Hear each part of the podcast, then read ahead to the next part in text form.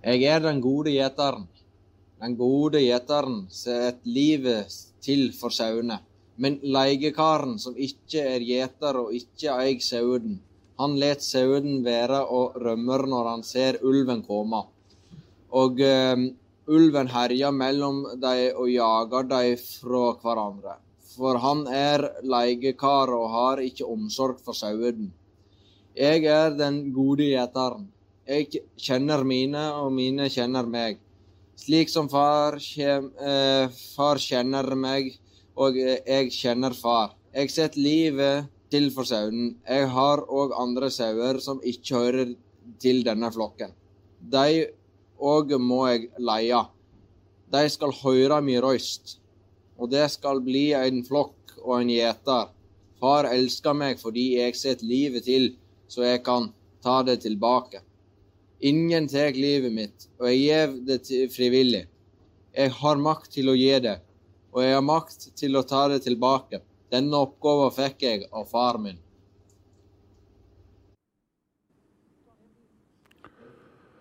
Var ikke det en uh, flott dialekt? Det, jeg må jo bare innrømme at jeg syns uh, Bibelen klinger bedre på nynorsk. Det er iallfall et saftigere språk. Jeg hørte om ei dame som klagde på den nye bibeloversettelsen. Hun sa det at uh, den nye oversettelsen der blir vi mennesker kalt for sauer. Det var mye bedre før. Da ble vi kalt bare får sauer eller får, teksten i dag, den handler djupest sett om den gode hyrden for sauene. I motsetning til han som bare er en leiekar. For eh, ca. 25 år siden så var vi noen venner i Sandnes da vi bodde der, som starta et datafirma i lag. Og det var jo spennende. Og eh, jeg har jo både vært med og eid dette selskapet i over 20 år, og jeg har jobba der i deltidsstillinger omtrent hele tida. For tre år siden så solgte vi selskapet. Og fortsatt så arbeider jeg litt i ei deltidsstilling der. Men etter vi solgte, så oppdaga jeg at det er forskjell på å eie et firma og jobbe der, og det å ikke eie firmaet og jobbe. I de 20 åra vi eide firmaet i lag, så var det veldig slitsomt. Det var krevende, det var masse utfordringer og mange problem. Noen ganger holdt det på å ødelegge vennskapet mellom oss, nesten. Ehm, og det tok mye av nattesøvnen mange ganger. Men det var også krevende og slitsomt. Og noen ganger så husker jeg at jeg nesten ble kvalm av å gå om bord i flyet på, i Amsterdam fordi vi skulle reise til USA eller andre plasser. Men vi ga ikke opp. Til tross for alle disse utfordringene, alle disse vanskelighetene, alle problemer, ja, så ga vi ikke oss opp. Vi kjempa oss igjennom det. Nå Derimot, når jeg bare er en vanlig ansatt, så prøver jeg å gjøre en god jobb. Og jeg prøver å gjøre mitt beste. Men jeg ligger ikke lenger våken om nettene og bekymrer meg. Jeg eh, tenker at hvis det blir for krevende eller for slitsomt, ja, så kan jeg jo bare slutte. Det er mye mer behagelig å ha det sånn, sjølsagt. Det er forskjell på å eie og det er bare å være ansatt. I dagens tekst så bruker Jesus et bilde som ligner på dette her. Han sammenligner en gjeter som eier sauene, med den leiekaren som bare jobber, som bare hever sin lønn. En leiekar han vil gjete sauene, og han vil gjøre sitt beste. Og han gjør det han kan for dem, og han får sin lønn for dem.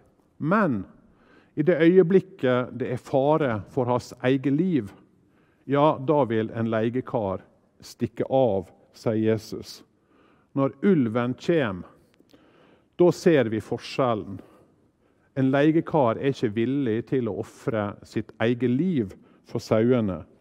Til å legge ned livet hvis ulven kommer for å myrde og drepe sauene. For det er jo ikke hans sauer. Og hans liv, hans eget liv, er mer verdt. Hans egen velferd er mer verd. Det er mange i våre dager som eh, gjerne vil lede oss og påvirke oss og føre oss gjennom livet. Og vi gjennomskuer en del av dem ganske fort. Vi gjennomskuer gjerne reklamen som eh, påstår at den vil det beste for oss, men vi vet at det er den egne profitten de er opptatt av.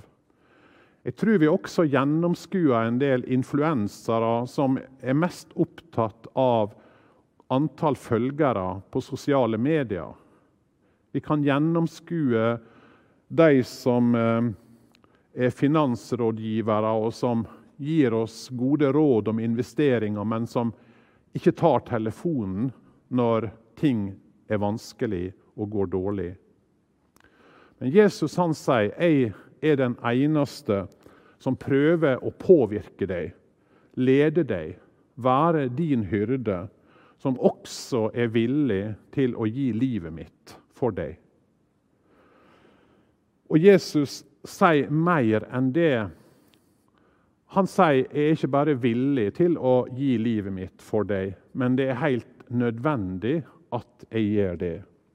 Det er mange som vil redusere Jesu død til et godt eksempel. Men hva hjelp er det for sauene å ha en hyrde som hopper utfor et fjell og roper idet han detter ned 'Jeg er glad i dere'? Nei, hele tanken, hele fokuset i det Jesus sier i dagens tekst, det er at sauene de er i dødelig fare. Det er i forsvar for denne faren at Jesus sier 'jeg gir livet mitt for å berge dere'. Og Det er det og det er det alene som gjør at Jesus er den gode gjeteren. Og Her skiller kristendommen seg fra alle andre religioner. Fordi i alle religioner så finner vi gode råd fra ledere ifra profeter som sier her er den gode veien. Her er det som kan føre deg til det gode livet. Her er de fem søylene. Eller her er de åtte, den åttedelte veien som du må følge. Jesus han er langt mer radikal. Han sier at vi er i dødelig fare, og vi kan ikke frelse oss sjøl. Ulven er sterkere. Sauene er i fare, og Jesus sier 'Jeg går i kamp for å berge dere'. Og Han gjorde det da han døde for oss på Golgata. Og mange spør var det nødvendig. Hvorfor alt dette snakket om Jesu død? Det er flott med Jesus som en forbilde for oss. Det er flott med Jesus som et godt eksempel. og Det er flott at han er glad i oss og vil være vår venn. Men alt dette med døden på korset, hvorfor må det være så blodig og gammelmodig og unødvendig? Magasinet Newsweek hadde for noen år siden en artikkel om hvem drepte Jesus. Hvem var det egentlig som var ansvarlig for denne døden? Var det romerne? Var det kanskje Pilatus?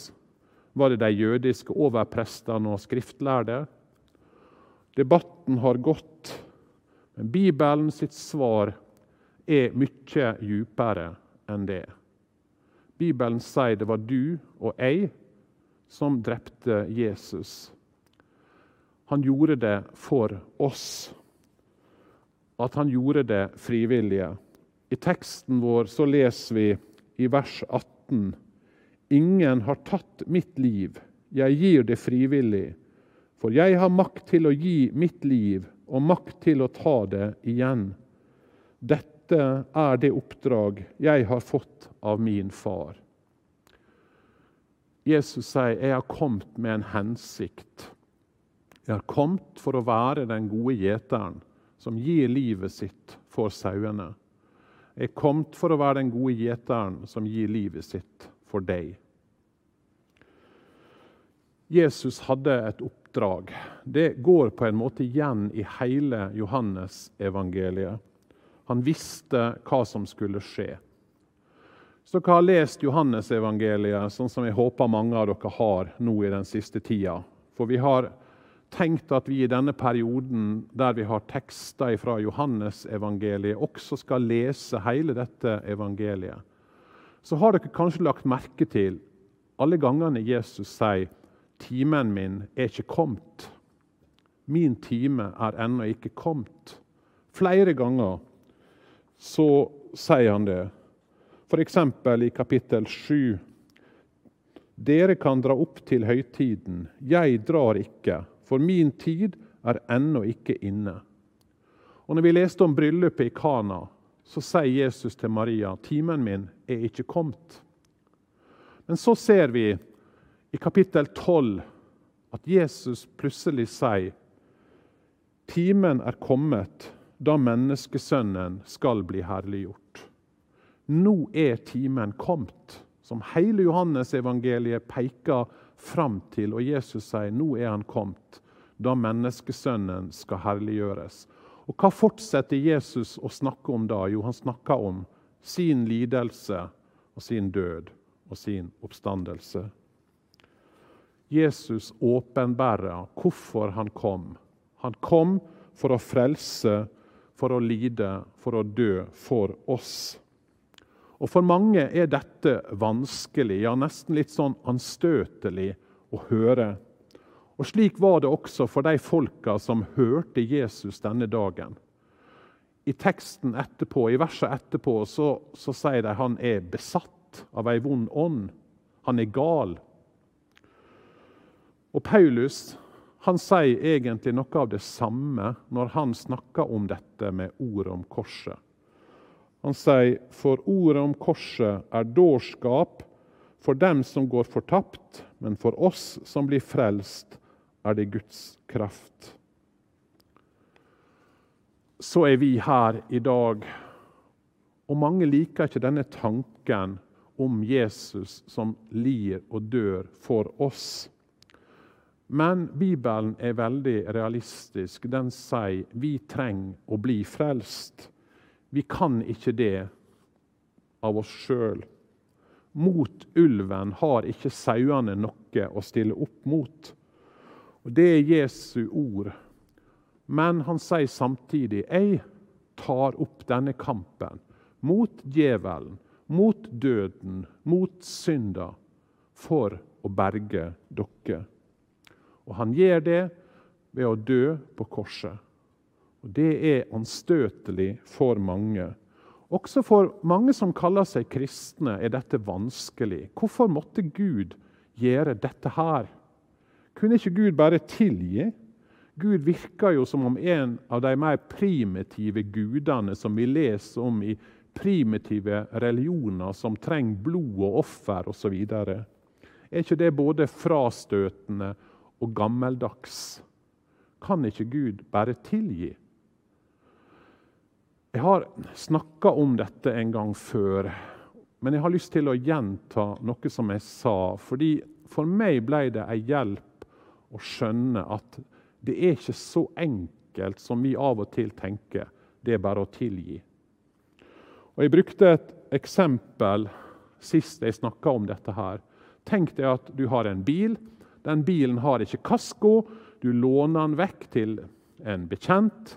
Denne bekjente han råkjører, og han er, han er uforsiktig, og han krasjer bilen din. Og Så kommer han med nøkkelen til deg og så sier han, jeg har krasja bilen. Kan du tilgi meg? Og så er du snill og, og, og, tenker ja, det kan jeg jo gjøre. Jeg tilgir deg. Og så tenker vi alt er flott. Vi kan omfavne hverandre. Dette her er tilgitt. Men det er bare ett problem. Hva med bilen?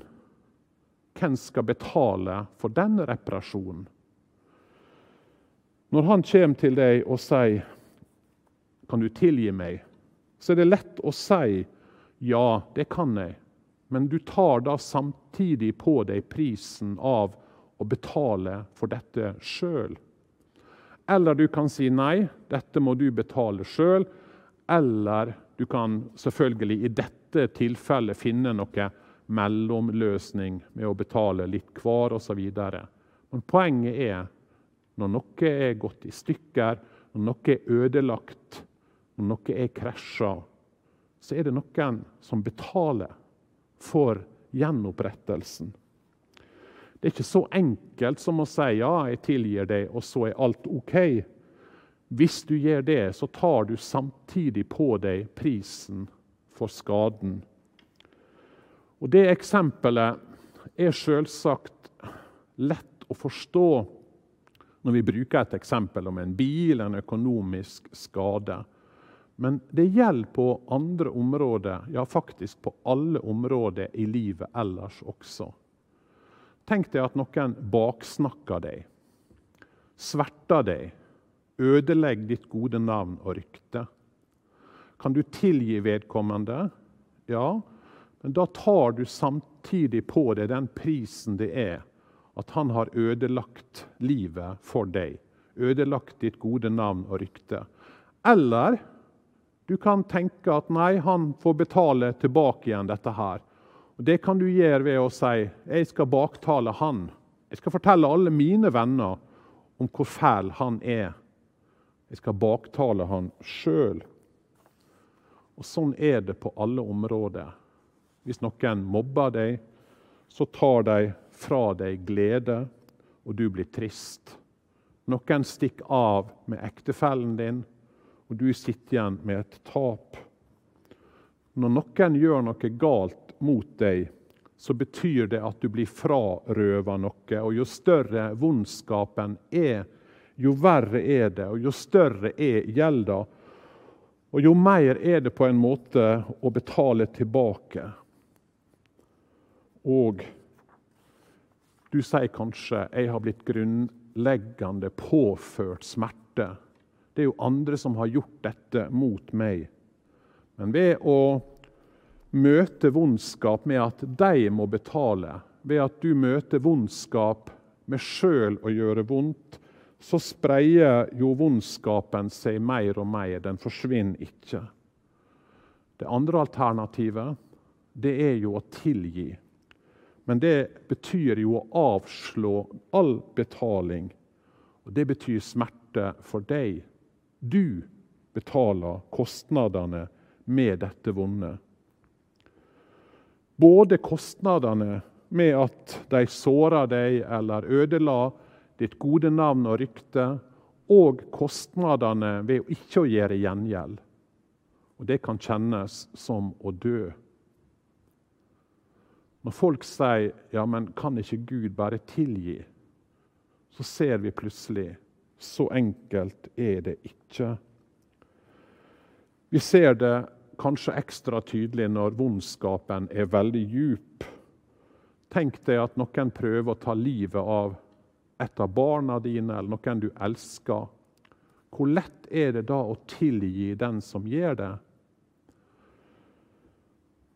Hvis du skulle gjøre det, så kjenner du det koster en enorm smerte. Du erfarer nagler og torner og svette og blod og tårer. Gud er rettferdig.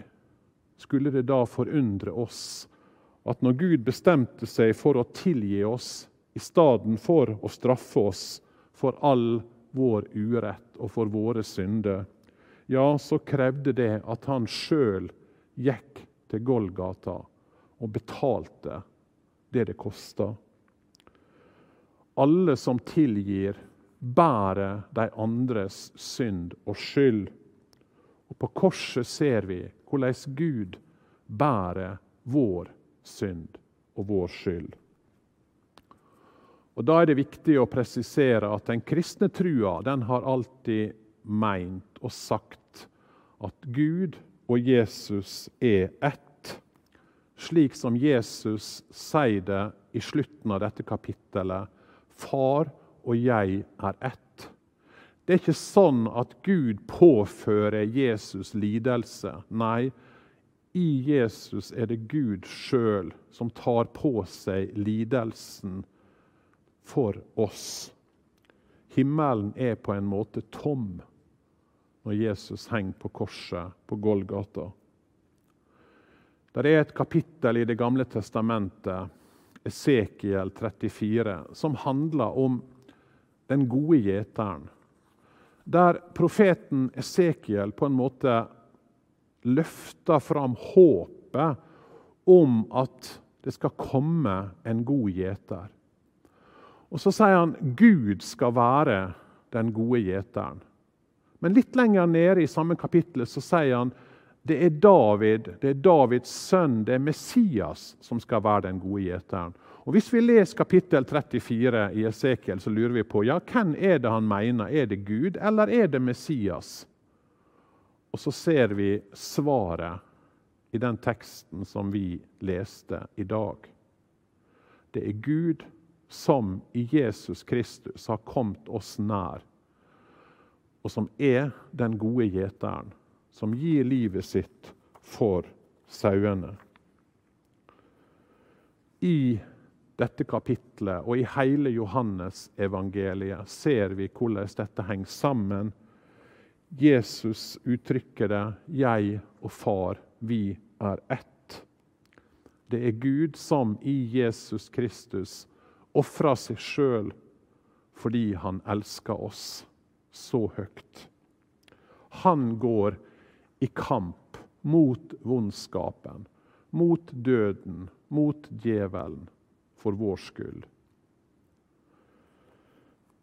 I Kolosserne 2,15 så står det Han kledde maktene og åndskreftene nakne og stilte dem fram til spott og spe, da han viste seg som seierherre over dem på korset. Jesus gikk til kamp fordi han så at hvis ikke så ville dette, disse maktene, disse kreftene, vondskapen, djevelen, døden, ødelegge oss. Men han seira over det på korset. Ser du den gode gjeteren? På gresk så skriver Johannes, når han skriver dette her, så bruker han ordet 'kalos' for god. For på gresk så er det to ord på, som betyr god. Nå skal vi ha en bitte liten gresk time her. Fordi gresk har altså to ord for god. Agatos, som betyr moralsk god. Men så har det også ordet kalos, som betyr vakker. Slik som du vil høre det hvis du om kanskje forhåpentligvis noen måneder eller år er på ferie i Hellas, og du kommer ned på terrassen og skal spise frokost, og verten hilser deg, så vil han si 'kalimera', som betyr 'det er en vakker morgen'. Jesus er den vakre gjeteren. Ser du han?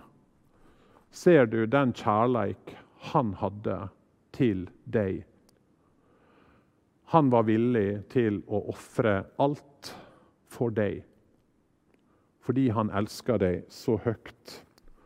Og det er når vi ser han, når vi ser den vakre gjeteren, den gode gjeteren, at vi også kan ha frimodighet til å komme til han med alle våre nederlag, alle våre feiltrinn, all vår skam og all vår synd, og vite han er som en god gjeter som tar oss inn i sin favn.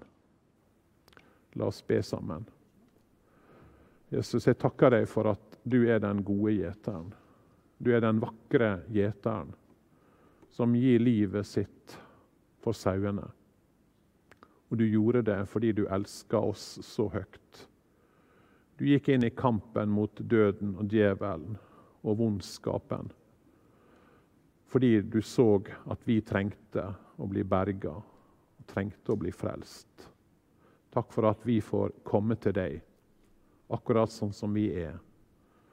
med våre feil, med våre nederlag, med våre svikt, og vite at du tar oss inn i din gode og trygge favn. Amen.